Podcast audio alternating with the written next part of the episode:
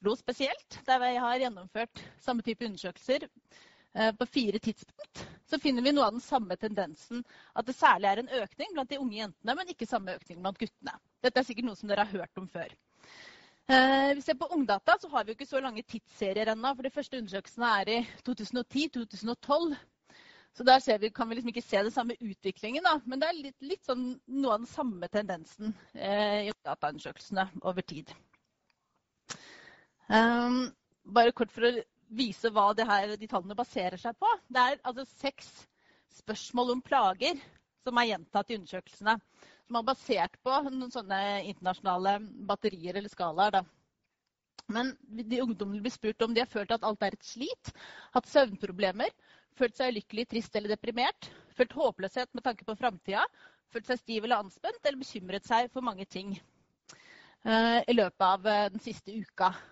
Og Det vi viser her i, de, denne figuren, det er uh, de som i gjennomsnitt er ganske eller veldig mye plaget av alle de seks.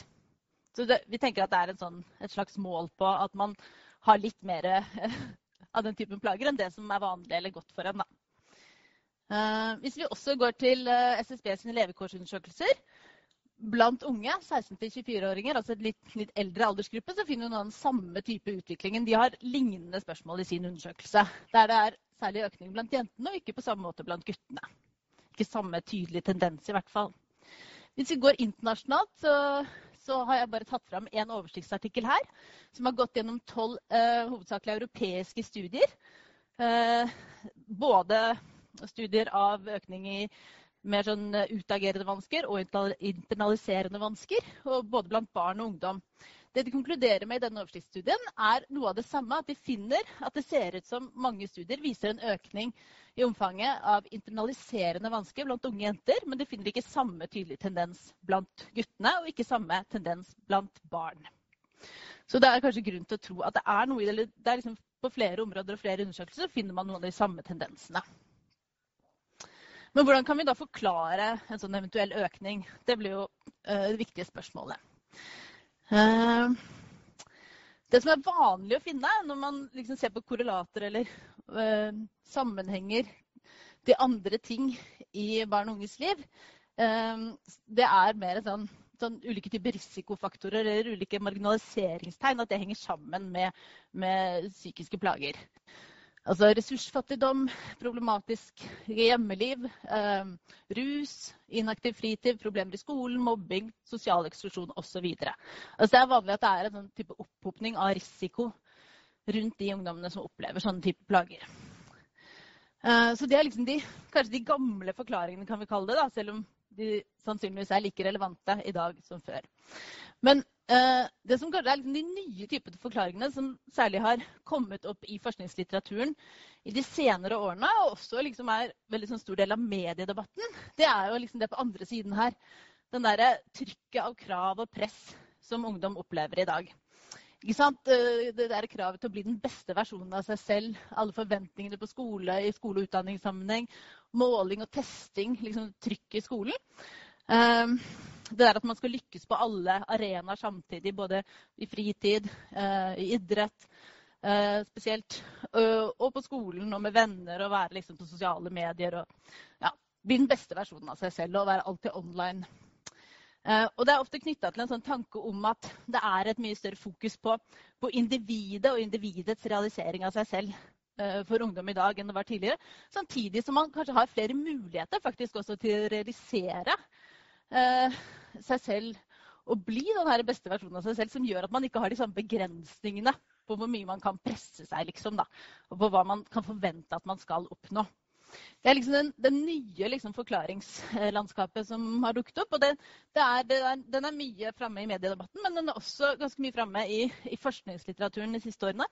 Og det finnes en del studier som har, sett, eh, som har sånn lignende data som vi har eh, her, altså de ungdataene eller Ung i Norge-undersøkelsene, der de har sett på, på måte, utvikling i psykiske plager over tid. Og så har de samtidig sett på utvikling i ungdoms bekymringer på ulike områder over tid. Og det er vel en studie fra Skottland særlig som konkluderer med at, at den der økningen i psykiske plager blant unge jentene henger sammen med en økning i bekymringer knytta til skole og utdanning eh, over tid. Da. Men også snakker de om et sånn, sånn um, dobbeltpress, da, særlig på de unge jentene, som både er knyttet til det der å være liksom fungere veldig godt i skole og utdanning liksom, og være liksom, på høyden der, samtidig som de skal oppfylle en sånn jenterolle med å være liksom, perfekt uh, utseendemessig. Og liksom, oppfylle det også, at du får en sånn dobbelt nei, press på de moderne jentene da, i dag. Eller de unge jentene i dag. ja, så det er liksom litt for å ha, ha det her landskapet uh, bak i hodet. Uh, ok, men, men, det som jeg også glemte å si her, kanskje, er at det som kanskje skiller disse her to måte, forklaringsmodellene, er at her er det sånn til, mye mer sånn knytta til marginalisering og kanskje også sånn sosial ulikhet. At det er opphopning av problemer eh, i noen grupper unge. da. Mens på den andre siden her så er det på en måte mye mer Kanskje det er egentlig de der som har alle mulighetene, som kanskje har det aller best da, i utgangspunktet. Og det, også Man snakker også om at det særlig er en økning blant middelklassejentene. At det er en sånn uavhengighet av eh, sosial bakgrunn. på en måte i den typen forklaringer, mens det er mye, mye tydeligere til stede i den, gamle typen forklaringer. Da. Så Derfor har jeg spurt, da, liksom om, eller vi har spurt om det fortsatt er, er det fortsatt sosiale forskjeller i de her, eh, disse her, um, uh, psykiske helseproblemene blant unge. Sånn som de framstår i spørreskjemaundersøkelser, i hvert fall. Uh, og da har jeg skrevet en artikkel i denne, her, uh, denne antologien her som som Voksne for barn gir ut, eh, som er denne her, som handler om sosiale forskjeller og historien om de flinke pikene. Um, I tillegg så holder jeg på med en rapport sammen med Anders Bakken og uh, Lars Joar Frøyland på NOVA, der vi også ser liksom mer generelt på sosiale forskjeller i liv. Ungdomsliv. Jeg har tatt med den, det her er fra den uh, artikkelen i Barn i Norge 2015. Uh, og det, det jeg viser her, er hvordan omfanget av plager, iallfall de som har mange plager, som er de mørkeblå her, eh, den øker ganske tydelig med et mål på familiens økonomiske situasjon, som er det Family, family Affluence Scale-målet der. Eh, men også med eh, foreldrenes utdanningsnivå. Så det her med altså, Selv om man har en sånn idé om kanskje de nye forklaringene treffer på en annen måte enn tidligere, og særlig middelklasseungdommene, så viser jeg for våre data tydelig at det er en sånn sosial gradient eh, i sånne subjektive helseplager fremdeles. Eh, samme fra denne rapporten som vi jobber med. Så ser vi at det er en ganske sånn tydelig gradient på noen av de her plagene som vi undersøker. Kanskje særlig det her å føle seg ulykkelig, trist eller deprimert og føre håpløshet med tanke på framtida. Det der litt sånn nedstemte, triste. Så er det en ganske stor forskjell på hvor mange som, eh, som, er veldig eller ganske mye plaget av dette blant de med lav sosioøkonomisk status eh, og de med høy. Um, OK, da kommer jeg til det siste punktet eh, innlegget mitt. og Det handler om hva ungdom selv tror er årsaken. og det som jeg skal snakke om det, det, nå, det er basert på en ungdataundersøkelse i Sandnes kommune. I den undersøkelsen i 2013 så tok eh, han som administrerte den lokale undersøkelsen, Egil Sandgren, han tok og la inn, eller sammen med noen andre også, tok og la inn to åpne spørsmål. Fordi at den tidligere ungdataundersøkelsen i Sandnes hadde vist et ganske høyt nivå av eh, psykiske plager blant de unge jentene. Så la, inn et, la de inn noen åpne spørsmål der de spurte ungdommene hva de trodde var årsaken til at mange rapporterte om psykiske plager.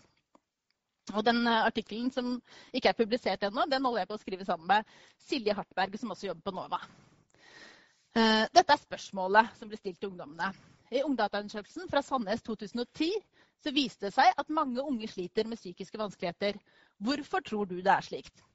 Og så kunne de svare på den måten som de ønsket selv. Det var totalt litt over 3000 ungdommer i Sandnes som var med i undersøkelsen.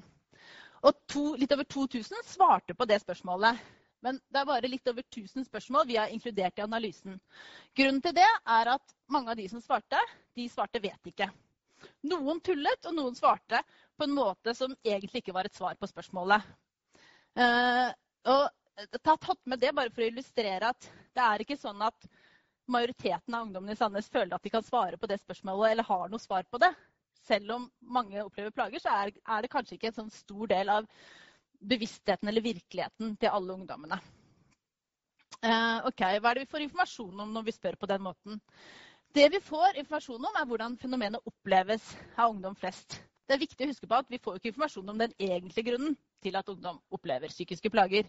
Det er liksom mer de umiddelbare assosiasjonene det første de tenker på når de får et sånt spørsmål. Um, vi, inngangen på artikkelen er litt sånn at vi tar utgangspunkt i mediedebatten. Uh, og så lurer vi på om denne mediedebatten om generasjon prestasjon. De sykt perfekte. Norske jenter som stresser seg syke. Og så lurer vi på om speiler ungdommenes svar denne mediedebatten. Er det det de tenker på når de skal svare på et sånt spørsmål? Og vi lurer også på hvor de plasserer ansvaret. Er det liksom de unge jentene som stiller høye krav til seg selv, eller er det noen andre som har ansvaret? Uh, ok, vi, Det første vi gjorde, var at vi, vi delte opp alle svarene i noen hovedkategorier. Da tok vi utgangspunkt i de to type forklaringstypene som jeg skisserte for dere. Altså de gamle og de nye forklaringene. Men så dukket det opp en kategori, og den, den gamle er liksom den marginalisering og opphopning av risiko. Mens den nye er krav og stress, har vi kalt den. Men så dukket det opp en annen kategori som vi syns vi måtte ha med også. Fordi at det var så veldig mange som nevnte det. Og det var relasjoner til jevnaldrende. Nesten halvparten av ungdommene nevner på en eller annen måte relasjoner til jevnaldrende som forklaring. Og så er det selvfølgelig ikke sånn at disse her er utelukkende. For mange ungdommer nevner både marginalisering og risiko og krav og stress og relasjoner til jevnaldrende. Men, så det blir bare mer et mål på hvor ofte noe dukker opp som tema i svarene. Uh, og her viser jeg prosentene da, som har nevnt de ulike kategoriene i sine svar. Ehm, og så har vi noen underkategorier på de tre hovedgruppene. Og I den marginalisering og opphopning av risiko så er det tre underkategorier. Det vanligste er problemer hjemme. Så er det livsstils, livsstilsproblemer på en eller annen måte, som er sånn de illesittende fritid eller mye dataspilling eller rus og sånne ting. Og så er det problemer i forhold til skolen som ikke handler om stress. Uh, og så I den krav og stress så er det viktigste utseende og kroppspress, eller det vanligste de nevner. Og så er det mer sånn generelt stress, at det er for mye å, gjøre og altfor høye krav som stilles. Og så er det det her med skolestress, som også går igjen. I den siste kategorien, relasjoner til jevnaldrende, så handler det veldig ofte om mobbing. Det er det som er det vanligste. Men så er det også noen som nevner andre typer relasjoner til jevnaldrende som er problematisk. At man krangler med venner, eller man ikke føler at man blir hørt, eller ja, liksom andre varianter av det å ha problemer med venner. Men altså det her poenget med at det er så mange som nevner det, det, er, det, er liksom, det, var, et, det var, overraskende for oss at det var så tydelig til stede i ungdommenes svar. Uh, ok, Hvis vi deler opp uh, på gutter og jenter, så ser vi at det er en ganske stor forskjell på guttene og jentene, hvor ofte de nevner krav og stress. Noe som underbygger litt den der mediedebatten. At jentene opplever mer av dette her med krav og stress enn guttene gjør. At det er en større del av deres virkelighet enn det er for guttene. Mens guttene nevner litt ofte marginalisering og opphopning av risiko og mobbing og sånne ting i sine svar. Uh, og hvis vi deler opp den krav- og stressgruppa da, i de tre undergruppene, så ser vi også at det, er særlig på det her med utseende og kropp at jentene er mye mer på banen. Eller at det er de mye mer opptatt av enn guttene. Derimot så er det sånn at skolestress, kanskje litt overraskende, nevner jenter og gutter omtrent like ofte. Det passer ikke helt i den historien som ofte fortelles, om at jentene er mer opptatt av prestasjoner i skolen. Ok, Hvis vi skal gå ned i de ulike gruppene og hva de egentlig, hva de egentlig svarer, for å gi noen eksempler innen den kategorien marginalisering og opphopning av risiko, så svarer de f.eks. sånn For miljøet rundt er kanskje litt tøft og har foreldre med rusproblemer. For en del barn synes skolen er vanskelig og får det ikke særlig godt til. De røyker, drikker alkohol, sitter foran data hele dagen eller går ikke på noen aktiviteter. Det er noen eksempler. Det er liksom den, de gamle forklaringene som jeg nevnte. Uh, og hvis vi går på, til aktørene, aktørene som trer fram med de her beskrivelsene, det er liksom foreldrene og de nære, altså de hjemme og i nærmiljøet. Eller det kan også være ungdommene selv gjennom sånne type livstidsvalg, rusing, spille data og sånne ting de er ikke noe opptatt av liksom, noen sånn ulikhetsstrukturer eller mer sånn større ulikhet i livssjanser og sånne ting. Det er veldig sånn nært på i disse, disse, beskrivelsene. Hvis vi går til en variant av krav og stress, så er det dette her med, med kroppspresset. Eh, jeg tror det er slik siden vi ser mye på TV, leser mye blogger og har mye tilgang til internett. Vi får feil signaler derfra. Mange bilder blir redigert, og mange ungdom tror det er naturlig å være kjempetynn, muskuløs eller vakker. Jeg tror mange sliter psykisk siden de ikke føler seg bra nok. Og så er det den andre siden, de nye forklaringene. Men det som handler om kropp, da. Og aktørene her de er mye tydeligere. ikke sant? De er noen langt langt borte. Det er media, det er reklame. Det er liksom voksenverden der borte som setter disse kravene på ungdommene. Men så er det også, når de kommer til sosiale medier, så er det jo også litt sånn Det er jo litt at ungdom er en aktør i det spillet. Med, med, med hvordan de formidler måte disse her kravene gjennom sosiale medier og blogger. Hvis vi går til den andre varianten av krav og stress, det som har med skolen å gjøre, så er det sånne utsagn som skolen har altfor mye lekser og prøver. Det, dette bør bli redusert. Det er det som har slitt på meg psykisk. For mye stress. Vi har så mye skoleting, og skolen driter i hva vi sier til dem om det. I tillegg går vi på ting i fritida, og dette gjør at vi ikke alltid kan gjøre skolearbeid. Så har du en litt annen variant som er mer sånn eh, litt, litt tristere på en annen måte. Eh, mange føler kanskje press av å få gode karakterer og ikke skuffe familie eller venner. Og tanken på at det blir ingenting av den personen i framtiden. Så det er liksom den her Den er også litt på den, den nye siden. Eh, altså med disse bekymringene for framtiden og skolestresset. Eh, det som er tydelig her, er at aktørene er, det er på en måte de voksne, det er skolen og lærerne som krever for mye. Og særlig de to øverste sitatene de illustrerer veldig mye av den typen fortellinger. Der de, de er liksom sinte på lærerne og skolen. Det er ikke noen sånne stakkarslige ungdommer som, som syns at liksom, det er noe jeg legger på meg selv og jeg må lykkes og sånn. Det er sånn, det er sånn De liksom føler at dette er ikke min feil, det er de andre sin feil. Det er skolen sin feil. Men så har du på en måte den lille varianten der som er litt mer internalisert på en måte. At, at det er noe som Vi skjønner jo at vi må, må ta utdanning for å bli noe i livet også. Så ja. Så det er litt som, men, men det som jeg tror, det som er overraskende, var liksom at vi, fikk, vi får ikke den der flink pike og jeg legger press på meg selv-historien. Vi får mye mer den der historien om at det er så mye mas og stress og lekser og prøver. Liksom den litt sånn aggressive varianten. Ok, Men når vi kommer til relasjoner med jevnaldrende, så handler det mye om mobbing. Og det er ganske triste historier av og til. Og kanskje personlige historier også. Eh, jeg trenger ikke å lese opp den her, men jeg eh, det som er viktig å si, er jo liksom her at det som illustreres i mange av de sitatene, er hvor viktig de jevnaldrende er for ungdom. Altså hvilken rolle de har. Og hvor viktig det som, men, men også den det spillet mellom det presset som kommer utenfra, på en eller annen måte, og det som skjer mellom jevnaldrende. For det presset til kropp og karakterer og sånne ting, det formidles på en måte gjennom en måte, relasjonene eh, til jevnaldrende og jevnaldrende miljøet. Så det er på en måte ikke uavhengig av hverandre. Men jeg tenker likevel at det, det, som er viktig å ta med seg fra de resultatene her, er det her eh, Både hvordan ungdom kanskje litt underkommuniseres som en aktør og som en ressurs i arbeidet i forhold til å forebygge sånne problemer. Eh, at man begynner liksom å tenke på hva som samfunnet påfører der ute. Men så tenker man ikke på liksom at det som særlig er viktig for ungdom, er liksom også det som skjer her og nå mellom de jevnaldrende. Og Derfor har jeg lagt, tatt med denne her, eh, kommentaren fra Joakim Lund som var Aften, i Aftenposten i går, var det vel? Der han nettopp fremhever et poeng i denne rapporten, som eh, er skrevet av Ingunn Marie Eriksen og Selma Therese Lyng her fra høyskolen. Eh, og der de fremhever det poenget at i det forebyggende mobbearbeidet hvor viktig det er å satse på, på, på skolemiljøet eller relasjonene mellom ungdom innad i en klasse. Ikke bare skolemiljøet eller den enkelte eller atferden til den enkelte elev, men å bygge gode relasjoner mellom ungdom i de litt mindre gruppene. på en måte. Og Det tenker jeg det er en kobling til der, eh, de funnene vi har fra den uh, artikkelen. OK, nå skal jeg oppsummere.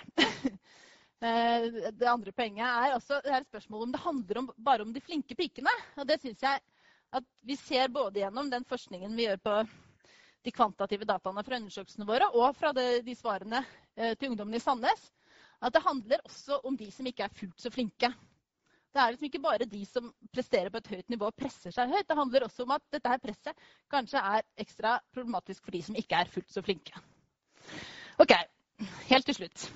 Vi kan tenke oss eh, at omfanget av psykiske plager kanskje er de blå boksene her. da. At det var litt mindre før, men at det er litt mer nå. Og så var det kanskje sånn før at at hoveddelen er liksom de tradisjonelle risikokjennetegnene og de tradisjonelle forklaringene. Men så var det selvfølgelig sikkert krav, det har jo alltid sikkert vært en viss del av krav og stress. At det fantes før også. Men kanskje i dag så er liksom de gamle forklaringene, eller det der med problematisk hjemmeliv eller andre typer marginalisering og sånn, det er like viktig som før som forklaring til psykiske plager, men at det har kommet noe annet i tillegg. Det er en mulig fortolkning. Eh, og da tenker jeg at hovedproblemet ligger sannsynligvis fortsatt her. Men så er det viktig å huske på at de nye forklaringene de vil også gjelde ungdom med mer tradisjonelle risikokjennetegn. Til slutt takk til alle Ungdata-kommunene og alle ungdommene som har svart på spørsmål.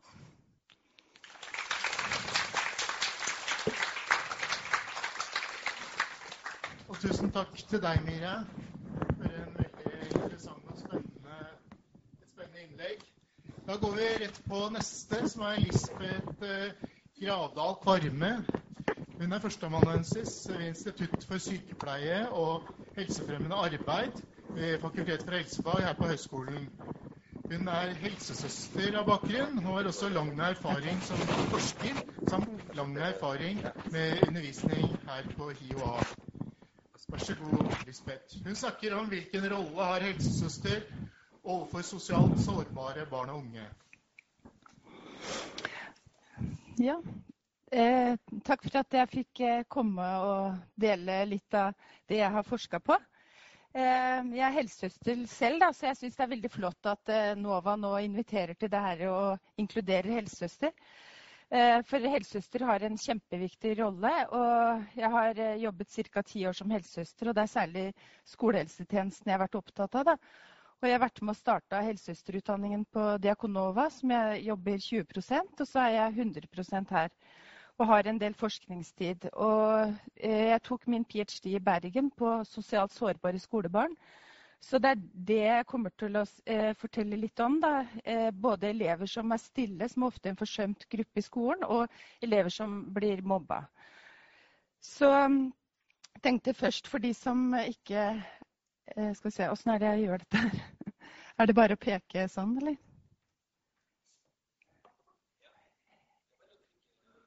Jeg trykka på den. På den, ja. ja. Eh, for de som ikke er kjent med helsesøster, så er det en sykepleier. Det er mange som ikke vet at man må være sykepleier først for å bli helsesøster. Men det er en som da har spesialutdanning innen helsefremmende og forebyggende arbeid, enten på videreutdanning eller masternivå. Og det som er spesielt, er at man er ansatt i kommunehelsetjenesten hvis man jobber i skolen. Man er ikke ansatt av skolen. Og det byr på noen utfordringer som kanskje juristen kommer til å si noe om senere òg. Eh, og at helsesøstre er en av de gruppene som eh, samarbeider veldig mye med andre yrkesgrupper, bl.a. Så helsesøsters rolle er jo det at hun møter alle barn og unge i en eh, kommune. Og jobber da innen både helsestasjon og skolehelsetjenesten. Og dette er en lovfestet tjeneste, da, så det er noe alle kommuner er pålagt å ha i Norge. Målet med tjenesten det er at man skal bidra til å forebygge sykdom og fremme god psykisk helse hos blivende foreldre og barn og unge mellom 0 til 20 år. Det skal være et lavterskeltilbud, sånn at det skal være lett for eh, barn og unge å oppsøke helsesøster i skolen f.eks. At man skal ha en åpen dør til skolehelsetjenesten. Eh, gjennom historien har det jo vært en del endringer i helsesøsterrollen. Fra tidligere, når den starta på begynnelsen av 1900-tallet, så var det smittsomme sykdommer og underernæring som var grunnen til at man starta med skolehelsetjeneste. Mens i dag er det jo på det psykososiale som eh, ble nevnt eh, tidligere i forelesningen nå, at det er på det psykososiale skoen trykker mest. Og da tenker jeg da er det viktig at helsesøstre følger opp og tilbyr tiltak overfor der hvor problemet er mest. Så nå er man mest opptatt av det om å styrke barns ressurser og opplevelse av mestring. Eh, og man eh, har gått fra å være veldig individfokusert til mer gruppefokusert.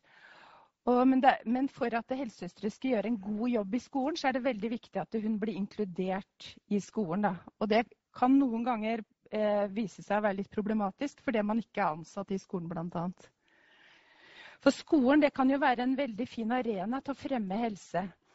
Eh, Ottawa-charteret har jo influert helsesøsterrollen med å legge vekt på det helsefremmende arbeidet.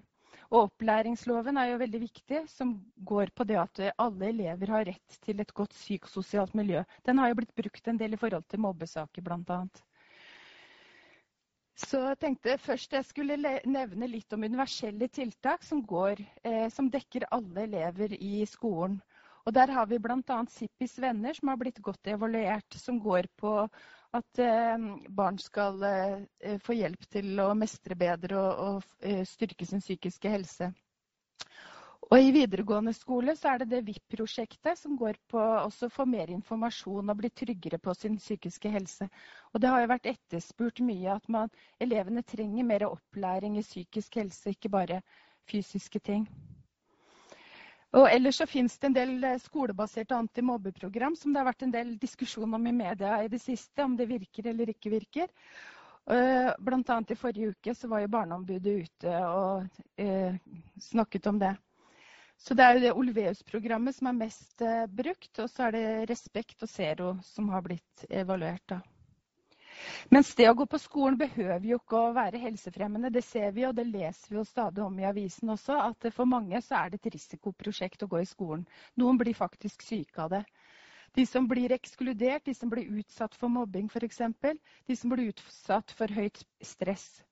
Og En helsesøster som heter Ann Clancy hun har forska på det med ungdom og funnet ut at hvert tredje barn som helsesøster har kontakt med, har psykiske problemer.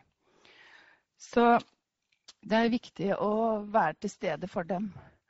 Og Et av tilbudene som helsesøstre gir, det er jo da grupper i skolen. og Det kan være forskjellige typer grupper. Det kan være grupper for elever som har en felles erfaring, f.eks. som har opplevd skilsmisse i familien. Eller det kan være de som har opplevd sorg, eh, dødsfall. Eh, eller det kan være eh, tverrfaglige temagrupper. Det kan handle om seksuell helse, om psykisk helse, røykeslutt, pubertet forskjellige temaer som man kan ta opp i de gruppene. Det var litt sånn for å gi litt sånn overordna bilde, men nå har jeg tenkt å si litt mer om det jeg har forsket på. Da. Eh, psykisk helse er jo veldig stort område, men eh, jeg har sett særlig på det med de sosialt sårbare skolebarna. Og da tenker jeg på da elever som er stille og tilbaketrukne i skolen, eller elever som blir mobbet. Um, og når jeg skulle begynne å forske på dette her, så var det en lærer som sa til meg ja, men hvorfor skal du forske på de stille barna, da kan vi ikke bare la dem være i fred? Så tenkte jeg ja, hvorfor det? Men så var det en psykiater som satt der, og han sa det at jo, disse barna kommer til oss i ungdomstiden.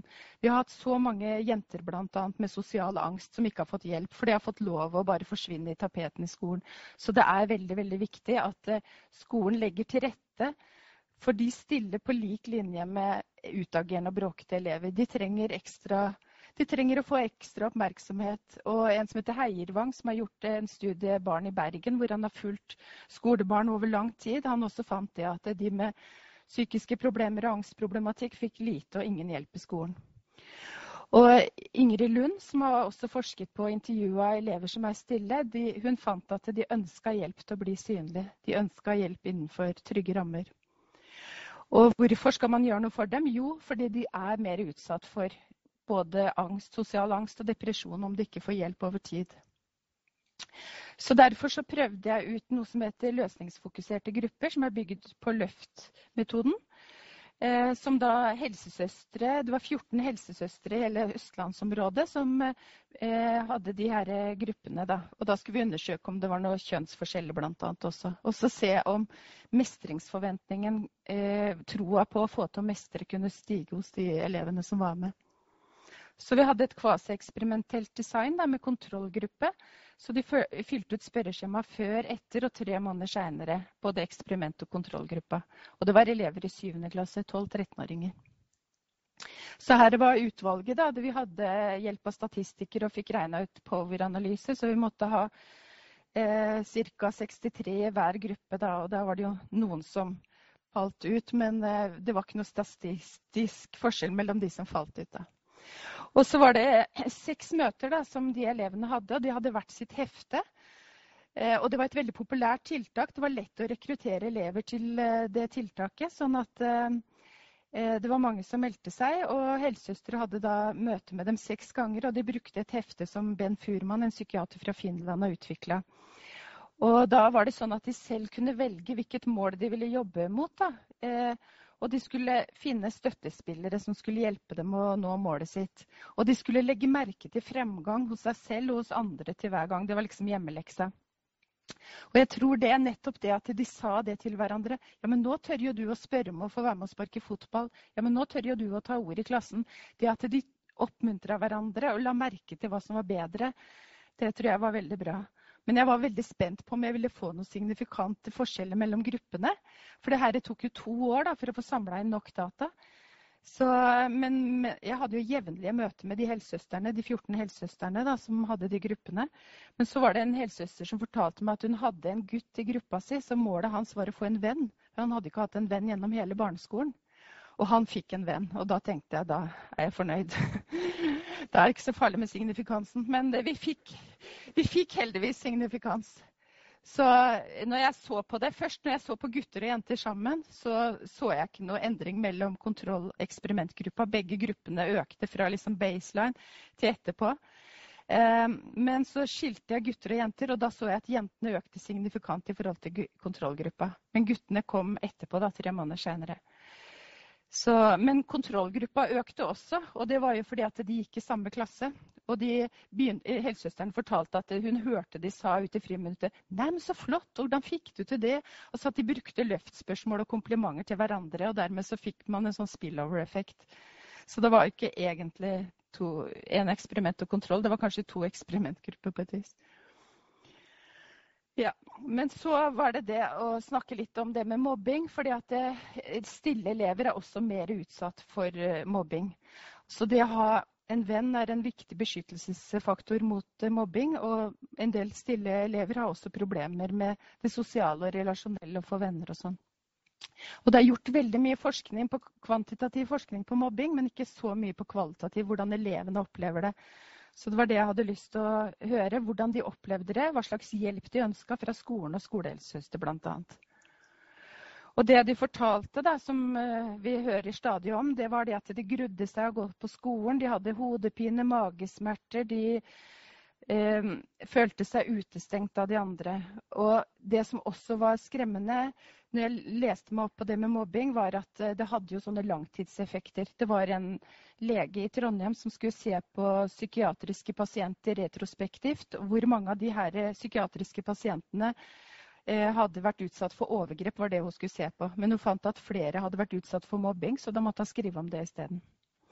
Så det viser hvor utrolig hvor lenge det sitter i kroppen, rett og slett. Og det leste jeg av Aftenposten nå forrige dagen òg, hvor det var intervju med forskjellige som hadde vært utsatt for mobbing, som, som i voksen alder sa at det satt hardt i kroppen enda. Og det de snakket om, det var det med Det var fire hovedtemaer. da, Det med erting og slåssing. Emosjonell reaksjon, det der å føle seg ekskludert og forlatt. Ingen å leke sammen med i friminuttene. Og det var særlig i friminuttene mobbing skjedde og behovet for venner for å nå drømmedagen sin. Og at de ville at lærerne skulle stoppe mobbingen med en gang. For det var noen lærere som sa at ja, vi skal snakke om det i morgen. Og det var på en måte å legitimere mobbingen, følte de. For det blei kanskje ikke tatt tak i det i morgen heller. Så det at man måtte reagere med en gang uh, og snakke med de involverte, var viktig. Men siden jeg er helsesøster, så måtte jeg ta med det sitatet, for det syns jeg var så nydelig. Det var en jente som sa det. Jeg syns i hvert fall det hjelper å snakke med helsesøster. Når vi er lei oss, kan vi si hvordan vi føler det, alt det der, sånn at helsesøster bygger opp selvtilliten vår, liksom. Så når vi går ut herfra, så tenker vi ikke mer på det, liksom. Det er ikke verst. Ja, så etter at jeg var ferdig med ph.d.-en, så hadde jeg lyst til å prøve ut noe som kalles for støttegruppe mot mobbing. Eh, det var noe som en lærer fra England har utvikla, som heter Sue Young. Eh, så eh, da eh, måtte jeg få tak i helsesøster igjen. Og denne gangen var det veldig lett å rekruttere helsesøstre. Jeg fikk 20 helsesøstre som gjerne ville være med på det prosjektet. Men, og de representerte 20 skoler. Men kan dere tenke dere mange skoler som svarte ja? Det var veldig få. Det var dessverre bare tre skoler som sa ja av de 20. Sånn at eh, det, det er et kjerneproblem, syns jeg. Altså. Og, Og, og, på noen av de skolene så sa rektor at her har vi ikke mobbing i det hele tatt. Og jeg fikk lov å gå og dele ut uh, samtykkeskjema til foreldrene. Og en mor ringte til meg og sa at datteren min har kommet gråtende hjem i syv år, og skolen gjør ingenting. Og, og, så jeg tenker Det verste er det når de drar ned rullegardina sier her er det ikke mobbing. De kaller det konflikter, de kaller det noe annet. Men så hadde jeg andre rektorer som sier at ja, vi sliter med mobbing, og her trenger vi å jobbe tverrfaglig. Så flott at helsesøster også vil engasjere seg. Og da tenker jeg da er det håp, hvis man innrømmer at man har et problem. Så, så, det var veldig vanskelig å, å, få innpass når det gjelder det med mobbing. Det er et vanskelig felt. Minelagt felt, vil jeg si, altså, å jobbe i. Men eh, jeg fikk noe eh, Det var eh, tre elever som meldte seg etter vi hadde vært en del rundt om i klassene. For da gikk vi rundt og spurte om de kunne tenke seg å ha en støttegruppe. Noen av elevene som har vært mobbet. Og det var tre jenter. Og alle tre hadde vært mobba gjennom hele barneskolen og gikk nå i 7. klasse.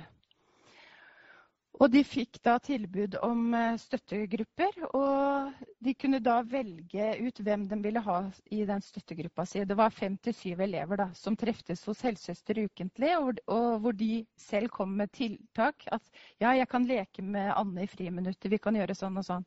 Så helsesøster skrev ned, og hun traff de da ukentlig til mobbingen opphørte. Og det som overraska meg, var at det var ikke snakk om mange gangene.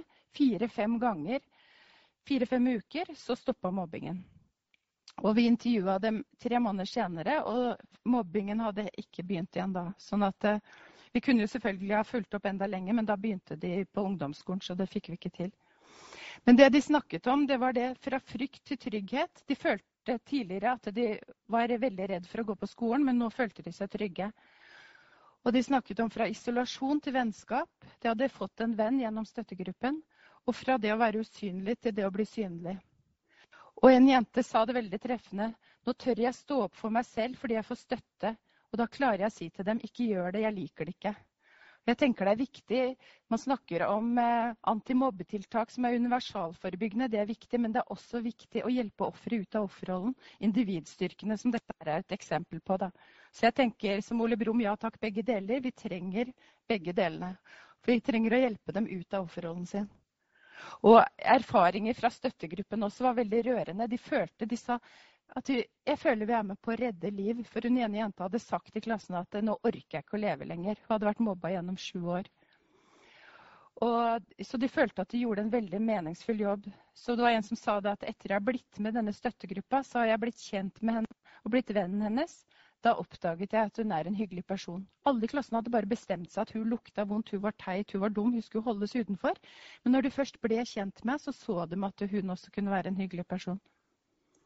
Men det var utfordringer òg. Det var det absolutt. Så noen som opplevde at de også ble mobba fordi de støtta mobbeofre.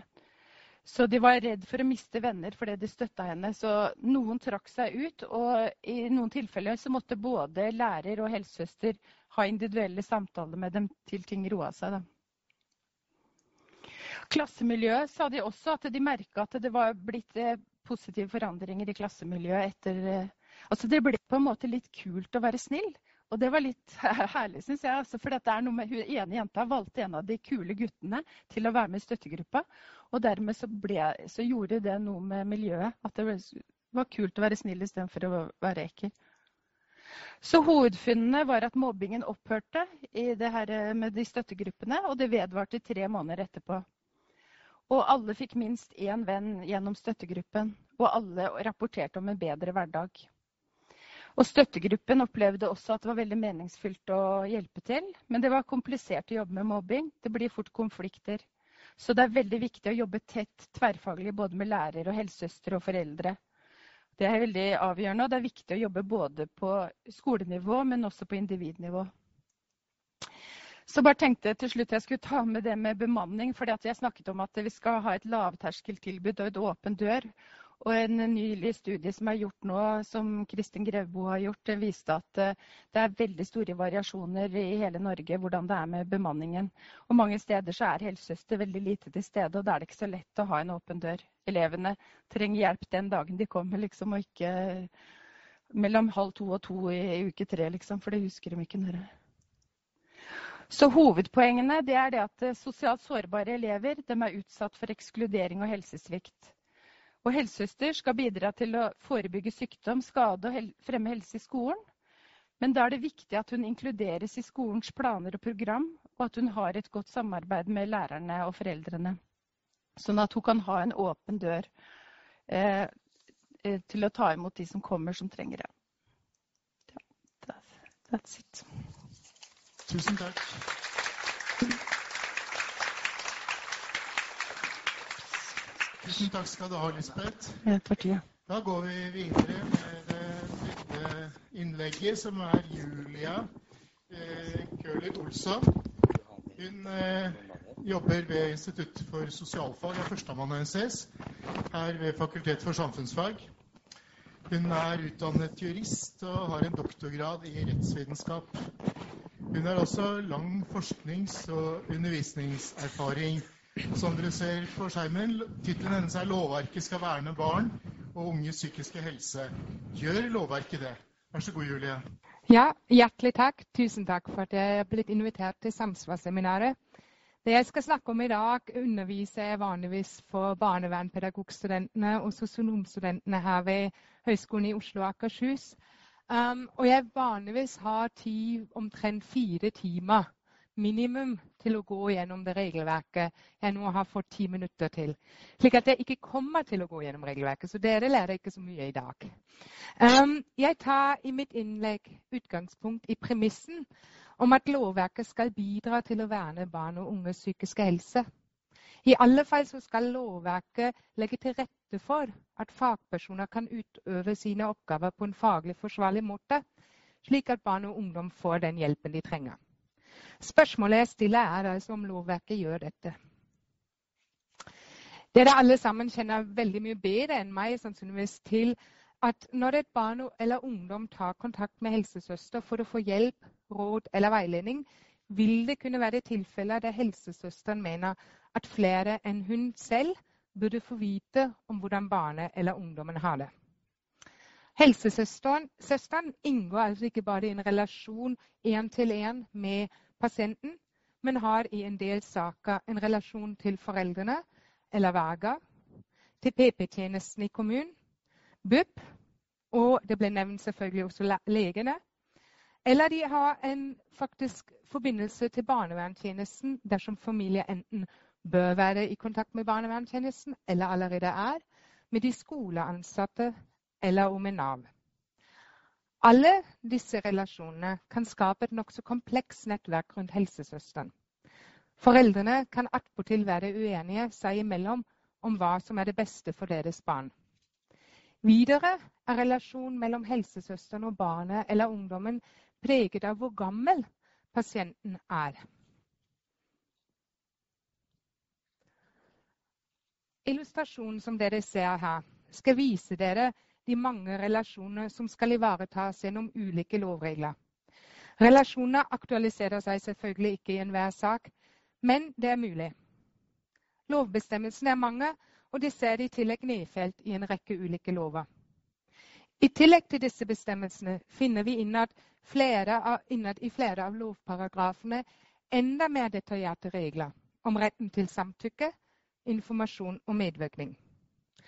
Disse avsnittene, eller leddene i de enkelte paragrafene, har betydning i forbindelse med de ulike aldersgruppene barnet eller ungdommen kan tilhøre, eller de kan handle om de tilfellene der de med foreldreansvar kan være uenige seg imellom.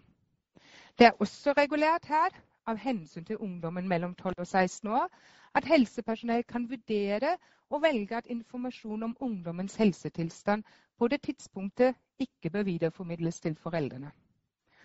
Hovedregelen en plikt til taushet. Dette skal ivareta pasientens integritet og tillitsforhold mellom helsesøsteren eller annet helsepersonell og pasienten. Så finnes det ulike grunnlag for å gjøre unntak fra denne hovedregelen. Det mest sentrale grunnlaget for å gjøre unntak fra taushetsplikten er samtykke. NOVA utga i 2013 en forskningsrapport med tittel 'Taushetsplikt, opplysningsrett opplysningsplikt regelkunnskap og praksis', der informantene nettopp beskriver at samtykke er det mest sentrale grunnlaget brukt for å gi opplysninger om pasienten videre til andre. Det begrunnes nettopp med at samtykke ivaretar eller gir uttrykk for tilliten mellom pasienten og helsepersonellet. Pasient- og brukerrettighetsloven, som helsesøster skal ivareta, inneholder regler om samtykke på vegne av barn, dels samtykke for barn og foreldre mellom 12 og 16 år, og samtykkekompetanse for ungdom mellom 16 og 18 år. Helsepersonell, deriblant helsesøster, kan dessuten, um, kan dessuten gi opplysninger til samarbeidende helsepersonell dersom det er nødvendig for å kunne gi forsvarlig helsehjelp, hvor det ikke er umulig å innhente samtykke fra pasienten først. Også dette er regulært. Videre så har helsesøster en opplysningsplikt. Da opplysningsplikt til barnevernstjenesten, enten av eget tiltak eller etter pålegg. Alltid når det er grunn til å tro at det foreligger mishandling eller alvorlig omsorgssvikt. Dette omtales da som opplysningsplikt, et grunnlag for å gjøre unntak fra taushetsplikten. Andre instanser, som f.eks. lærere eller barnevernansatte, kan på sin side gi opplysninger til helsesøsteren for å få hennes eller hans råd eller synspunkter dersom den andre instansen trenger denne råd, eller den rådgivelsen eller den veiledningen for å hjelpe barn og familie på best mulig måte. Den heter opplysningsretten. Den opplysningsretten har derimot ikke helsesøsteren eller helsepersonell på sin side. De på sin side kan ikke opplyse til andre samarbeidende instanser om personlige forhold ved barnet eller ungdommen med formål om å kunne utøve sitt oppdrag eller mandat på best mulig måte. Det er altså ingen samsvar mellom forvaltningsinstansenes opplysningsrett, nedfelt i forvaltningsloven, og den profesjonsbaserte opplysningsplikten helsepersonellet, deriblant helsesøsteren, må forholde seg til. Opplysningsretten til helsepersonellet og dermed helsesøsteren kan kun basere seg på pasientens samtykke. Helsepersonellet, skoleansatte, sosialarbeidere har altså forskjellig opplysningsrett. Hvem det er som så kan samtykke til å gi opplysninger videre til andre samarbeidende instanser, avhenger av barnets og ungdommens alder, avhenger av foreldrenes enighet i hva som er best for barnet. Videre så må helsesøsteren, som er egentlig da her i midten, heller ikke glemme å ivareta barnets rett til medvirkning i sin egen sak etter Barnekonvensjonen. Huff, det er mye å holde styr på. Hvordan skal så fagpersoner som helsesøstrene forholde seg til et komplekst lovverk? Det er per dags dato ikke andre muligheter rett og slett for helsesøstrene og helsepersonellet enn til å kjenne godt til regelverket det selv er pålagt å følge. Men også gjerne, og veldig viktig, til det regelverket som gjelder for de samarbeidende instansene. Det er ikke nødvendig å kunne dette uten at det er hardt. Det fins veldig mange fagbøker som kort skriver om det, eller veileder det slik at man kan finne svarene når man lurer på om man kan gi videre opplysninger om en pasient, eller hvem det er man må innhente samtykke fra. Den lovpålagte taushetsplikten skal ikke hindre samarbeid per se. Det fins unntak fra taushetsplikt, som vil kunne gi gode muligheter for samarbeid uten at integritetsvernet til den enkelte blir i for stor grad skadelidende sammenlignet med de gevinster som kan oppnås ved samarbeid. Samtidig har jeg behov for å understreke at lovreglene ikke kan gi svar på de etiske og faglige spørsmålene som kan oppstå om hvem man faktisk bør samarbeide med. Videre kan ikke lovregler gi svar på de etiske utfordringene som oppstår der foreldrene er uenige seg imellom, eller der ungdommen og foreldrene er uenige om hva som er best for pasienten selv.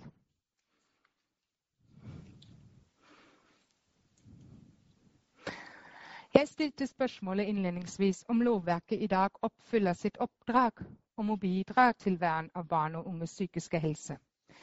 Det korte svaret er nei. Svaret baserer seg på NOVAs forskningsrapport fra 2013. Det baserer seg også på fortellinger fra arbeidskollegaer som år etter år ble invitert til å holde foredrag eller forelesninger om disse taushetslovene.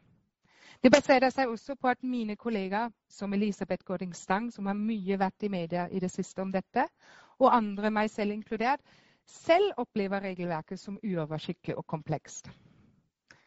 De enkelte lovreglene hver for seg mener vi ivaretar mange av de sentrale hensyn, som integritetsvern, tillit og rett hjelp til rett tid.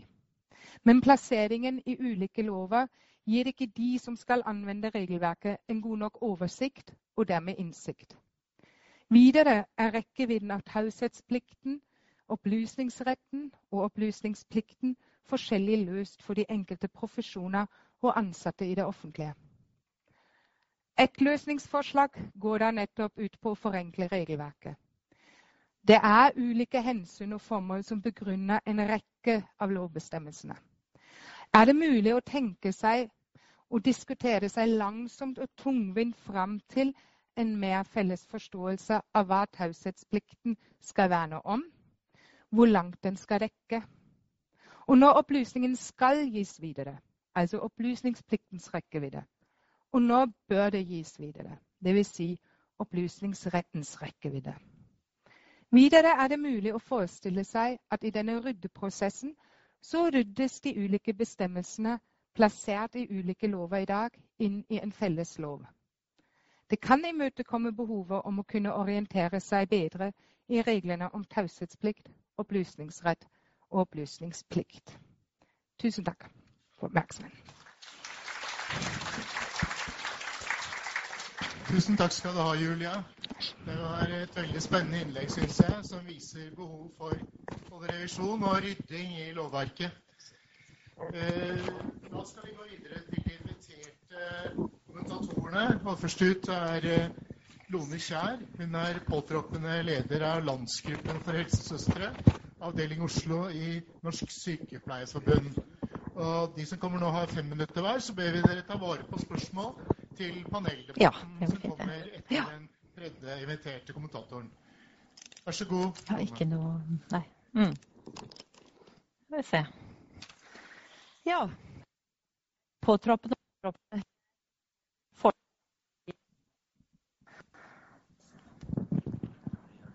Ja. Bedre nå? Ja. Eh, leder i LAH-gruppen Oslo, da.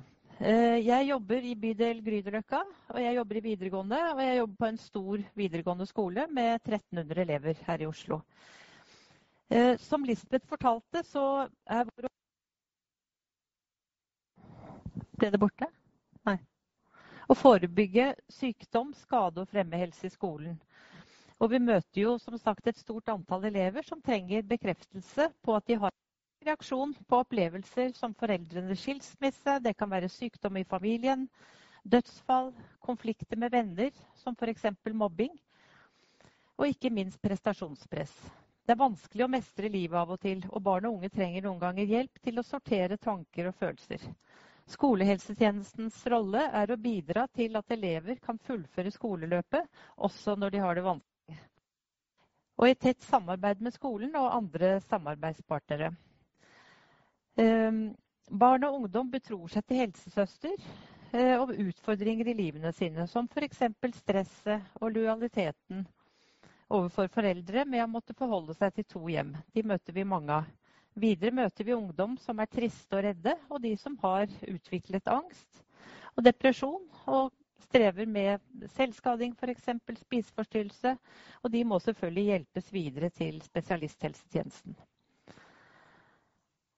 Helsesøster er som kjent da i en unik situasjon. Vi opplever eh, å ha stor tillit i befolkningen og blir sett på som ufarlige. En du kan snakke med om alt. I skolehelsetjenesten møter vi derfor ungdom som befinner seg ofte i det som kalles gråsonen. Altså at de ikke nødvendigvis utfyller kriteriene for en, for en BUP eller eh, DPS-henvisning. Mange velger skolehelsetjenesten fordi det føles lettere å snakke med en du ikke møter daglig, som f.eks. læreren din. Eh, helsesøster er som kjent, som Lisbeth sa, eh, sykepleier i bunnen og med god kunnskap om fysisk og psykisk helse. Og dessuten så er det flere av oss helsesøstre som har videreutdanning i f.eks. psykisk helse eh, eller familieveiledning. Samtaler med, med helsesøster vil derfor kunne bidra til at de føler seg styrket til å, til å gå videre. Og bare det å få luftet seg for å få, å få ut det som er eh, tungt akkurat nå, det, er, eh, det, kjennes godt ut. Det, det pleier de å si. Eh, og kanskje eh, de kommer igjen. altså at Vi, vi tilbyr jo alltid en oppfølgingssamtale. Men for mange så kan det dreie seg om en to-tre samtaler, og så, og så er liksom De er liksom kommet over en sånn hump, da. Det forplikter Samarbeidet med skolen det er viktig, som også Lisbeth nevnte.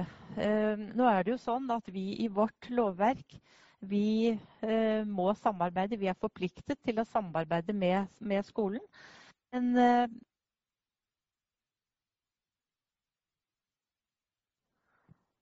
skolen har jo ikke Ja, jeg snakker kanskje høyt nok. Sånn. Ja, jeg må få slippe å holde den der.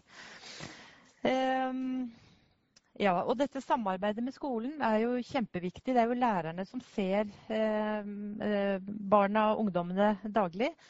Ehm, eh, og så har jo vi da dette forpliktende samarbeidet med, med skolen i vårt lovverk, men, men, det samme lovverket har jo ikke skolen overfor oss. Og da vil jo eh, samarbeidet rundt omkring i landet kunne være litt ymse, litt forskjellig. Litt avhengig, avhengig av hvordan, eh, ja, hvordan, skolen er vant til eh, skolehelsetjenesten, f.eks. Eh, så da ønsker jo vi en, en, en lovendring. Um, ja. Vi møter jo jenter som opplever et stort press. Um, det, det, gjør vi jo. Det er dette med karakterer, utseende, som er nevnt her. Uh, og du skal være uh, på sosiale medier, ikke bare på dagen, men også til og med om natten. Så mange har søvnproblemer og, og har det ganske stressende. Og du skal pleie vennskap innenfor og utenfor skolen. Eh, og kanskje har du en jobb et par ganger i uken. Og så skal du jo være Ett minutt igjen, ja. Og så skal du være godt trent. Eh, så det er mange ting de skal eh, Og så må vi heller ikke glemme ungdom som lever i to kulturer. De har ofte en ekstra utfordring og kan føle seg presset til å, å leve et dobbeltliv. Et bein i hver kultur, liksom. Og og de må, eh, ofte så blir utveien å, lyve. Men det kan jo, altså de vil ofte stå i et press, da. At det kan bli litt problematisk. Kanskje det å ha en kjæreste av samme kjønn er jo ofte mye mer tabubelagt i, i, i innvandrermiljøer. Ja, skal vi se. Så dette med å komme tidlig inn er jo kjempeviktig for oss.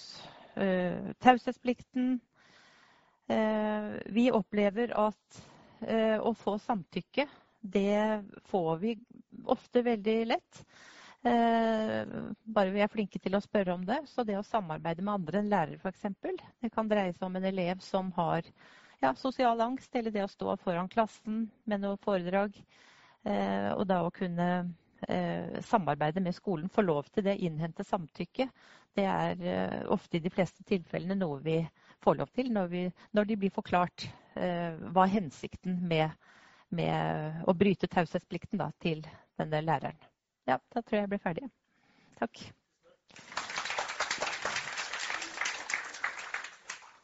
Tusen takk skal du ha. Da går vi videre til neste inviterte kommentator. Det er Ingunn Holden Berg. Hjertelig velkommen. Hun er eh, rådgiver i divisjon for primærhelsetjenesten, skal det være. Da hadde vi en liten trykkfeil i programmet, men fra Helsedirektoratet. Så vær så god, Ingunn. Pass på at du får liksom passelig greit. Mm, skal vi se.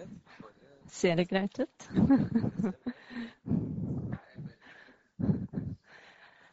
eh, hei, alle sammen. Jeg leder arbeidsgruppen for utvikling av nasjonalfaglige retningslinjer for skolehelsetjenesten. Divisjon for primærhelsetjenester i Helsedirektoratet. Jeg har jobba mye med barn og ungdom og er forsker i utgangspunktet. Eh, noe har dere hørt allerede, men det er viktig å si at skolehelsetjenesten er en lovpålagt tjeneste med en egen forskrift som presiserer at dette er en helsefremmende og forebyggende tjeneste. Men tjenesten skal også fange opp barn med særskilte behov og avdekke skjevutvikling, men være avgrensa mot behandling. Eh, det har vært mye snakk om helsesøster, og helsesøster er viktig. Men tjenesten skal ha en tverrfaglig grunnbemanning også. Situasjonen i dag er ofte at helsesøster er alene. Det kan være en utfordring. Tjenesten er unik i det at den møter hele populasjonen av barn og ungdom og skal være der barn og ungdom er, på skolen. Og For første gang nå så utarbeides det en nasjonalfaglig retningslinje for tjenesten som skal være normerende i forhold til innhold eh, som er eh, pålagt. Så nå vil jeg eh, benytte anledningen, i lys av de flotte innleggene vi har hatt, til å dra fram to anbefalinger. Det vil være mange anbefalinger, men jeg vil løfte fram to her. Samarbeid med skolen, det har vært kommentert på. Samarbeid med skolen om tiltak som fremmer et godt psykososialt og fysisk lærings- og arbeidsmiljø for elever, er en forskriftsfestet oppgave for skolehelsetjenesten. En sentral anbefaling som da foreslås i retningslinjen, vil være at skolehelsetjenesten bør ta initiativ til å samarbeide med skolen for å utarbeide felles planer og rutiner for tiltak på mange områder. Fordi et systemretta samarbeid er en forutsetning for at tjenesten kan bidra til å skape et godt lag rundt den enkelte elev og elevene som gruppe. Taushetsplikten skal ikke være et hinder for barns beste. Kanskje vi trenger en ny lov. Og samarbeidet bør være forankret i skolens virksomhetsplaner og årshjul. Eh, skolehelsetjenestens rolle er at den kan bidra og sette i gang gode tiltak som er tilpasset utfordringsbildet ved den enkelte skole. Men det er skolen som har det overordnede ansvaret. Som nevnt så er det en utfordring at lovverkene ikke harmonerer. Skolen har ikke det samme pålagte kravet til samarbeid som skolehelsetjenesten har. Dette er et sårbarhetsområde. Slik det er i dag, er det opp til skolen å avgjøre om de vil legge til rette for et samarbeid med skolehelsetjenesten. Men selvsagt må tjenesten også tilby sitt samarbeid. Helsesamtale. I den nye retningslinjen vil vi bl.a. foreslå å innføre en helsesamtale på åttende trinn i ungdomsskolen. Dette fordi det per i dag ikke ligger noe obligatorisk tilbud der, selv om mange har jobbet med en helsesamtale på ungdomsskolen tidligere. Den vil nå alle, også guttene, og vil være et bidrag som kan utjevne sosiale forskjeller. Ungdommen selv har også gitt uttrykk for at de ønsker et slikt tilbud, bl.a. gjennom storbyrådene. Det gir En helsesamtale vil kunne gi mulighet til å styrke de unge i hva som er normalt, og gi rom for å oppdage skjevutvikling, fysisk og psykisk. Det vil også være et ledd i å få oversikt over utfordringene i elevpopulasjonen. For igjen å kunne eh, jobbe godt sammen med skolen for å sette i gang mer universelle tiltak. Ikke alle oppsøker tjenesten på eget initiativ, selv om de har et behov. Og et tilbud om en helsesamtale til alle vil være et ledd i å gjøre tjenestetilbudet kjent, skape tillit og gjøre det lettere for elevene å ta kontakt senere. Den skal ta utgangspunkt i ungdommens behov og ønsker og legge opp til brukermedvirkning, men skal også berøre en del faste tema som mestring og trivsel, relasjoner, mobbing, levevaner, inkludert eh, samliv og seksualitet, og bruk av rusmidler. Alle skal også rutinemessig spørres om de har vært utsatt for vold og overgrep. Og vite at dersom de har behov for å komme tilbake til dette, enten på egne eller andres vegne, så kan de ta kontakt med tjenesten. Frafall. Skolehelsetjenesten skal bidra til å redusere frafall. Og mange av anbefalingene vil på en måte være et ledd i å støtte opp om det. Men spesifikt så vil vi også ha en anbefaling om at skolehelsetjenesten bør bidra i skolens arbeid med å følge opp bekymringsfullt fravær. Eh, både det dokumenterte og det ikke-dokumenterte fraværet. Og hjemmebesøk er bl.a. et oppsøkende tilbud som tjenesten da kan vurdere i den sammenheng, enten alene eller sammen med skolen. Forskning støtter at et slikt forholdsvis enkelt tiltak kan ha effekt. Da avslutter jeg der.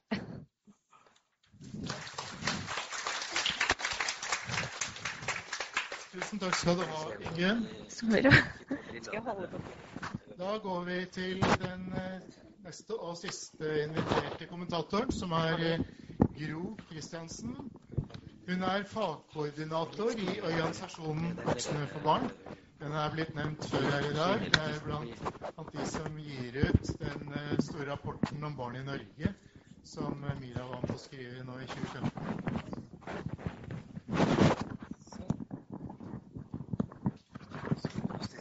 Sånn. Så til og med lyd. Vær så god, eh, Gro. Tusen takk. Først og fremst tusen takk for at uh, vi voksne for barn ble invitert og være representert her i dag. Um, jeg er ansatt som fagkoordinator i Voksne for barn og har jobba der i uh, snart ni år. Kom jeg fram til her om dagen. Noe av det som går, som en, er som går igjen som en rød tråd i det arbeidet som Voksne for barn gjør, det er uh, brukermedvirkning. Um, og det, det, jobber vi med, og vi, vi uh, formidler jo også barn og unges erfaringer på ulik måte. Jeg skal vise et eksempel på det etterpå. Men jeg har lyst til å si at det som har blitt belyst her i dag, det er jo ting som vi voksne for barn kjenner igjen i de virkelighetsbeskrivelsene som barn og unge gir oss når vi i ulike sammenhenger snakker med dem. Vi snakker med barn om hvordan det er å vokse opp, og hva som skal til for å ha det bra. De vi snakker med, kan være ungdom som har fysiske helseplager, psykiske helseplager, barn og unge som er pårørende, barn og unge som har vansker på skolen, men også barn og unge generelt. Og det Tidligere i dag er det blitt nevnt Sippis venner, som er et program som Voksne for barn eh, er programeier til her i Norge. Og jeg har også lyst til å slå et slag for et annet program som heter Drømmeskolen. Som er et program som Voksne for barn uh, har jobba med nå de seinere åra med å utvikle sjøl. Som er for, uh, for, ungdomsskole og videregående. Uh, drømmeskolen er et Altså er for å fremme psykisk, god psykisk helse og bidra til et godt læringsmiljø. Det er liksom formålet med Drømmeskolen. Og i Drømmeskolen ligger disse elementene som handler om mestring, det handler om trivsel, og det handler om medvirkning. Så vi fyller på en måte veldig mange av de kriteriene som vi, er, tenker er viktig for at man skal ha en god skolehverdag. Nesten uansett hvem vi snakker med av barn og unge, og uansett hvilket tema vi fokuserer på i våre møter med barn og unge, så kommer skole og skolehverdag kommer opp som noe som de er opptatt av. Når ungdom snakker om skolen sin og skolemiljøet, er det ulike ting de er opptatt av. De kan være opptatt av ikke nødvendigvis så veldig mye i forhold til matematikk, altså fagene, men det de er opptatt av, det er hva som skal ligge til grunn for at de skal lære. Hva skal til for å ha det bra, og hva er det som danner et godt læringsmiljø. De er opptatt av hva som skal til for å ha det bra, som sagt, men de er også opptatt av dette med mobbing, og de er opptatt av dette med vennskap og relasjoner. Så jeg er sånn glad for at du nevnte det. For jeg tenker at det handler om dette med altså, disse flinke jentene. Men det med relasjoner og vennskap og det med mobbing det kommer ofte opp når vi snakker med barn og unge i forhold til det med skole. De er opptatt av lærerne sine og det å trygge voksenpersoner rundt seg som ser dem, og som ser ressursene deres, ikke minst.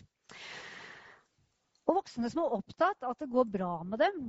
Og ikke minst så er de opptatt av helsesøster. Den de ofte går til når det blir vanskelig, men som er til stede altfor sjelden. I det heftet her eh, altså Vi dokumenterer jo veldig ofte det som barn og unge sier til oss. Vi har, eh, hatt, eh, vi har hatt veldig glede av å lage disse publikasjonene. Det her heter 'Lære for livet'. Det er tekster fra barn og unge om hva som er viktig for å ha det bra på skolen. Er det noen som har sett det?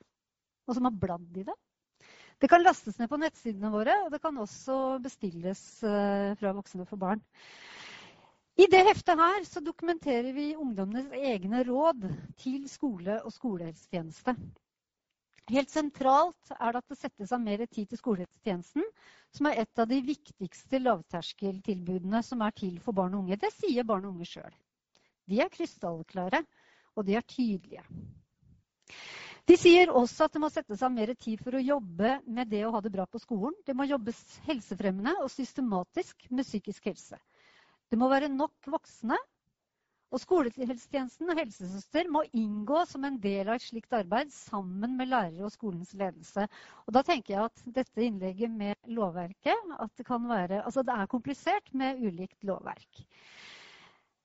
Vi tenker jo at det er viktig at helsesøstre har en uh, åpen dør for den enkelte. Men en må ikke glemme at det må også legges uh, inn ressurser for at en kan jobbe systematisk med å skape et godt psykososialt miljø i skolen. At det ene må ikke utelukke det andre. Men et ja takk, begge deler, det er i hvert fall et sterkt ønske fra Voksne for barn. Jeg gir meg der, jeg, Lars.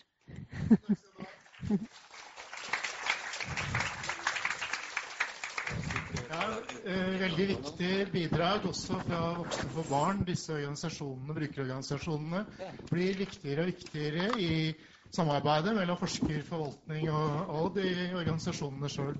Nå er jo f.eks. et krav fra Norges forskningsråd at veldig mange forskningsprosjekter skal planlegges sammen med brukerorganisasjonene, så vi har allerede et hyggelig samarbeid med dere i flere sammenhenger. Da inviterer vi til paneldebatt.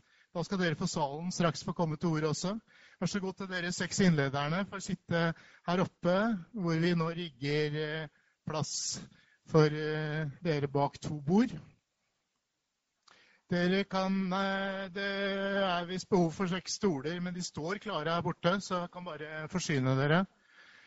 Dere kan ta en kort benstrekk, men det er fint hvis ikke de går altfor langt fra plassene. For vi har denne streamingen, og ikke miste tilskuerne våre utabys. Da går vi på med en gang. Vi skulle først eh, gi hver av de tre hovedinnlederne litt tid til å svare på kommentatorinnleggene.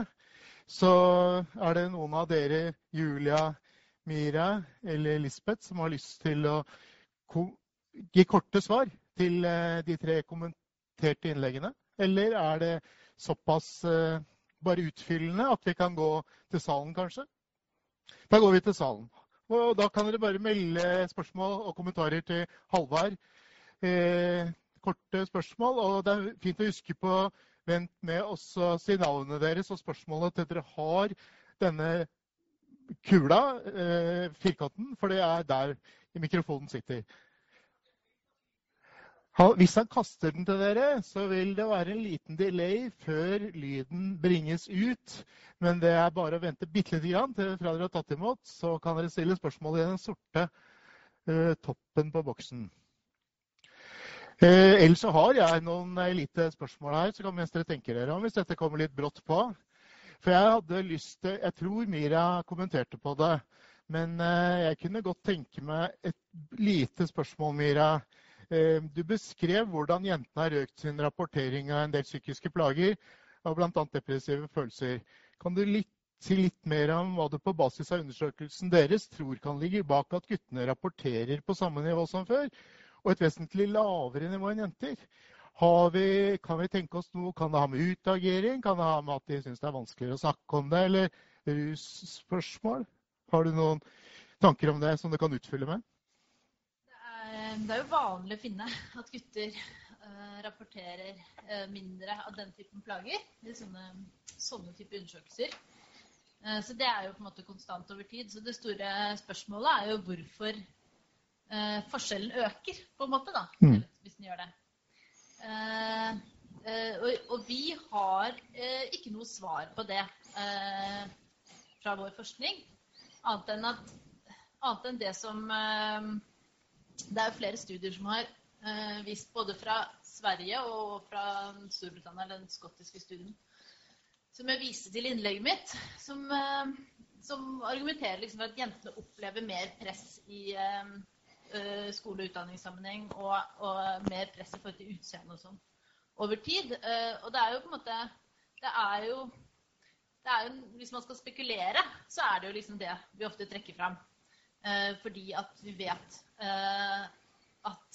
det er sånn i skolen at jentene gjør det generelt bedre, er mer opptatt av høyere utdanning enn guttene.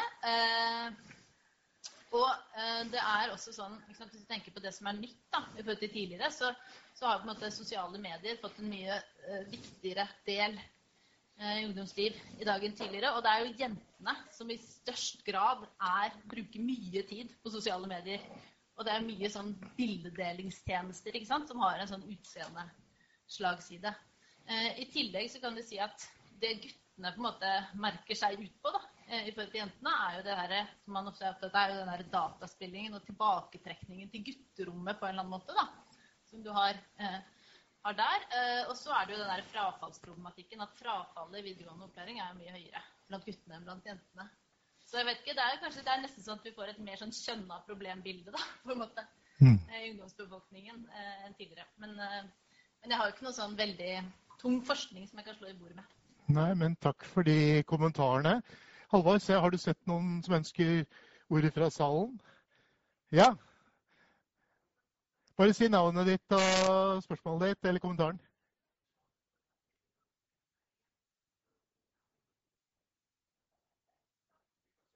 Nei. Ja, det gjelder Du skal få låne denne fordi det er noen som sitter og hører på oss utover i landet, skjønner du. Nå funket den, vet du. Ja. Eh, vi er opptatt av barn og psykisk helse. og jeg hører dere sier alle at vi skal tenke på tidlig innsats. Og så snakker vi om helsesamtaler i åttende trinn. Og jeg kjenner, jeg syns at den innsatsen burde vært satt inn lenge før det. Vi pleier å si at psykisk helse begynner i, i barnehagen. Eh, som noen av dere hadde noen kommentarer på det. Takk. Vær så god. Ja. Den er på. Ja, som jeg sa, så er det jo eh, bare to anbefalinger av 30, oppimot 30 anbefalinger jeg løfta fram her nå. Eh, vi har også en skolestartsundersøkelse som gjøres på første trinn. Og det er stort fokus på psykisk helse i retningslinjen som, eh, for helsestasjon, som er ute på høring nå, og fellesanbefalingene for helsestasjon og skolehelsetjenesten og helsestasjon for ungdom. Så det er et lite utsnitt. Og vi vil også ha egne eh, anbefalinger på å jobbe systemretta med skolen hele veien for å oppdage tidlig. Ja. Mm. Takk skal du ha. Eh, da har vi fått flere spørrere fra salen. Eller? Ja. ja. Vær så god. Eh, jeg heter Åse Strandbo og kommer fra idrettshøgskolen, men jeg må også si at jeg er gammel ungdomsforsker. Eh, jeg har et spørsmål til Lone Kjær. og Det var, du, det var flere som nevnte her at guttene bruker ikke helsesøstre så mye som jentene. Eh, så jeg lurte bare på hvor stor er den skjevheten? Og så lurte jeg også på hva de guttene som kommer til helsesøstre, hva de tar opp. Så har jeg et spørsmål til Mira, så skal jeg ta det med en gang, eller? Uh, ja, og det var, uh, det var nevnt det her med sånn kroppsmisnøye og sånn som, uh, som, viktig for jenten i den artikkelen basert på det materialet fra Sandnes. Jeg lurer på også om det finnes mer sånn nasjonale tall på hvordan det her har utvikla seg de siste ti år. Om du kjenner til det? Skal vi samle opp et Vi tar et spørsmål til, så samler vi dette tredje spørsmålet opp. Vær så god. Ja. Anne Hege Strand eh, fra Fafo. Eh, jeg bare hadde litt spørsmål siden det var så mange helsesøstre her. Og jeg har veldig stor sympati for den følte underbemanningen i, i den jobben dere må gjøre med unge.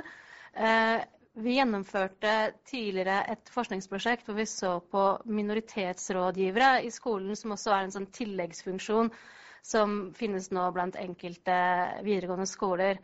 Og de også følte seg veldig underbemannet i forhold til de problemene de skulle eh, løse. En av de forslagene vi hadde i den rapporten, var at man istedenfor å jobbe så direkte med elevene, på en måte måtte jobbe mer opp mot lærerne, fordi det er de som på en måte har eh, og jeg vet også at man jobber veldig mye på, på skolene. Skolene er på en måte ikke representert i panelet her, her nå. Da. Eh, men jeg bare lurer på om helsesøstrene hadde noen kommentar til til den måten å drive helsefremmende arbeid på blant elever. Mm.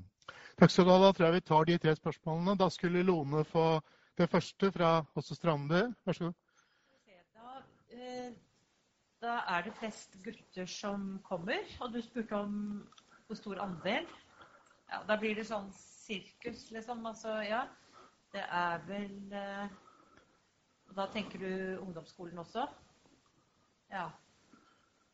Det er, det er noe færre gutter som kommer. Det er det. Eh, 30% kanskje, noe sånt. Jeg vet ikke om du har noen tall på det? Eh,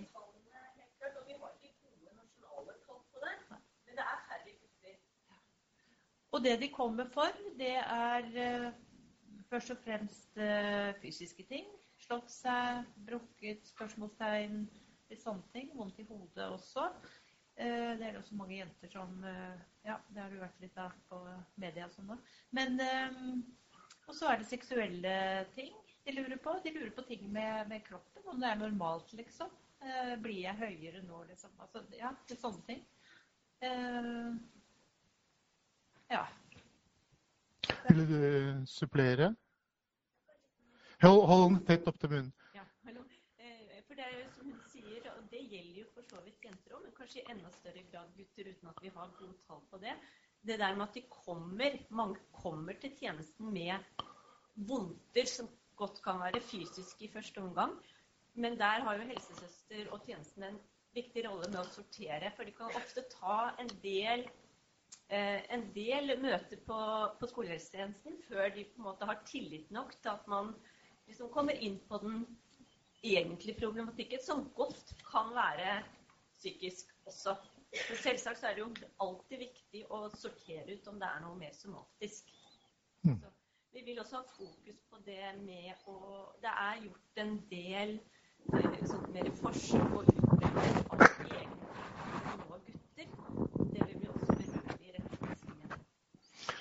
Takk. Mira, hadde du lyst til å svare på det som Åse Strande spurte om til deg? Ja, det er jo ikke mitt spesialfelt, akkurat det med sånn kroppsbilde.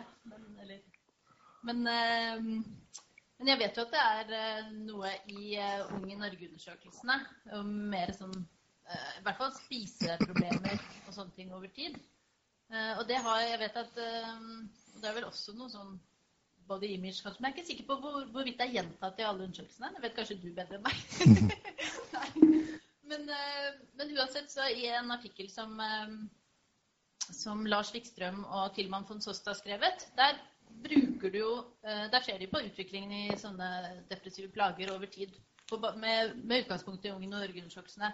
Og de ser bl.a. Liksom på hvordan eh, mer sånn kroppsbilde og spiseproblematikk, tror jeg, utvikler seg parallelt. da, og prøver å forklare uh, utviklingen depressive plager. Jeg tror de finner at, at, at, det er liksom både Særlig når det gjelder utviklingen fra 1992 til 2002, så mener de at er, jeg tror det er noe med holdninger til kropp liksom, som forklarer deler av den økningen i psykiske plager blant jentene, i tillegg til faktisk mer bruk av hasj. Men uh, jeg skal ikke liksom være helt sånn påståelig på detaljene i den artikkelen. Hmm. Takk skal du ha. Da har vi et par minutter igjen. så venter, Det er ett spørsmål til. Jeg vet ikke om Fafo spørsmål eh, fra, til helsesøstrene. Eh, vil dere ta det? Husker dere i farten spørsmålet? Ja? Ja, for det var det med minoritetsrådgivere.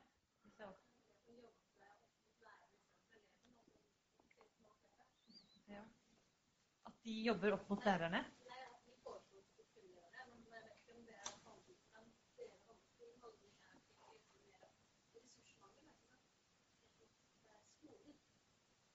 Ja.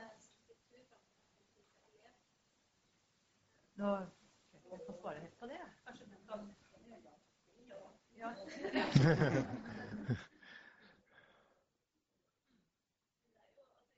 Bemanning, da. Vi, vi, har jo nå ferske tall på at bemanningen er ikke i tråd med på en måte normeringstall for tjenesten. Eh, og, og en god bemanning er så klart en forutsetning for å kunne utføre de oppgavene tjenesten skal.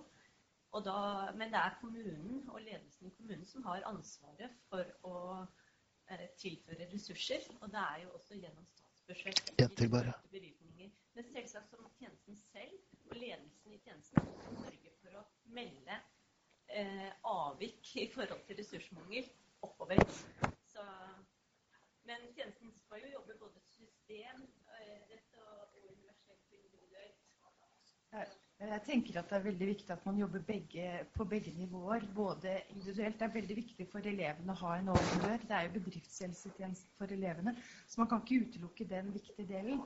Men som du sier, å jobbe opp mot lærerne er kjempeviktig.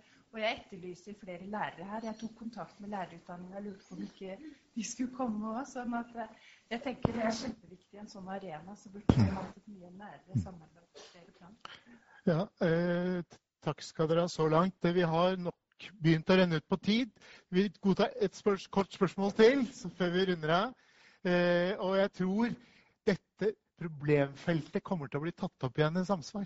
For å si det sånn, i en utvidet forsamling. Vær så god.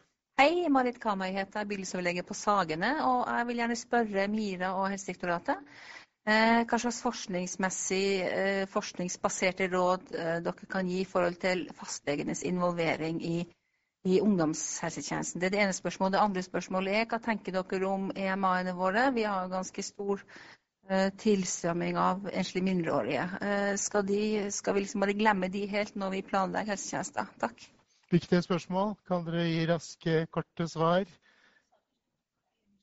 Enslige mindreårige asylsøkere var det siste.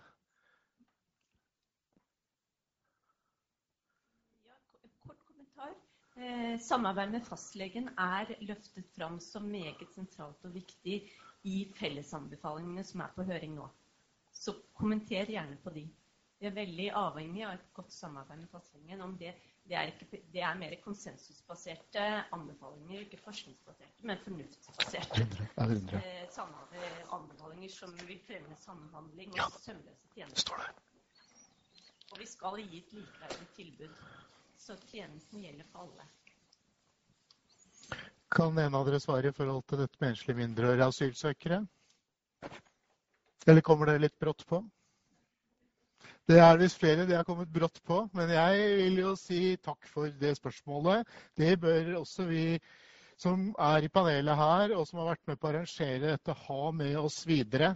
Det er jo veldig viktige spørsmål som du det, det, det bringer fram der, der, til slutt.